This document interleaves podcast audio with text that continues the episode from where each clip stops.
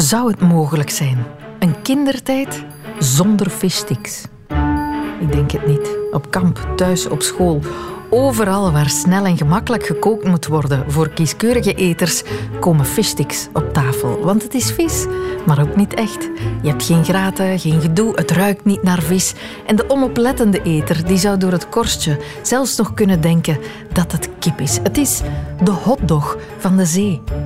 Wie mogen we daarvoor bedanken? Ik ben Sophie Lemaire en dit is een snelle geschiedenis van de fishstick. Eén naam. Clarence Birdseye. Zegt Greet Draaien van het Centrum voor Agrarische Geschiedenis. We zitten 1912 ongeveer. En die Birdseye werkt voor het Amerikaanse ministerie van Landbouw. Doet onderzoek naar van alles en nog wat. Uh, naar de beste manieren om coyotes van je erf te verjagen. Doet onderzoek naar teken.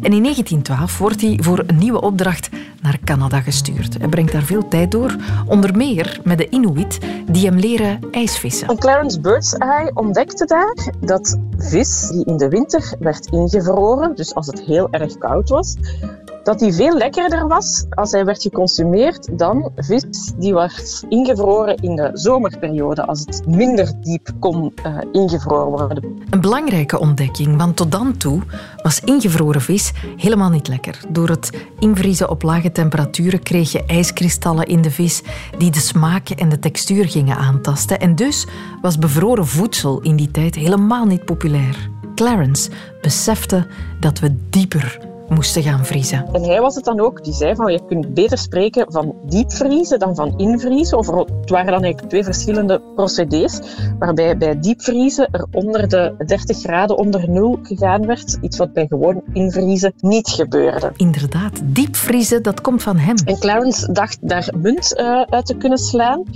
Hij maakte een klein bedrijfje voor diepgevroren vis en ook diepgevroren erwtjes. Dat waren de twee producten waar hij mee aan de slag wilde. Hij vond ook nieuwe types diepvriezers uit om dus die felle bevriezing tot stand te kunnen brengen.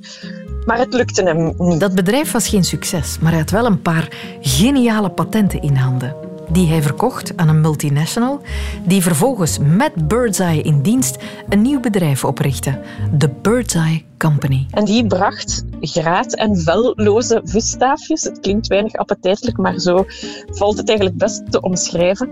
Die bracht graat- en velloze visstaafjes op de markt en deed daar na een tijdje ook een, een broodkorstje rond. De fishstick was geboren en kwam al gauw op de Amerikaanse keukentafel terecht.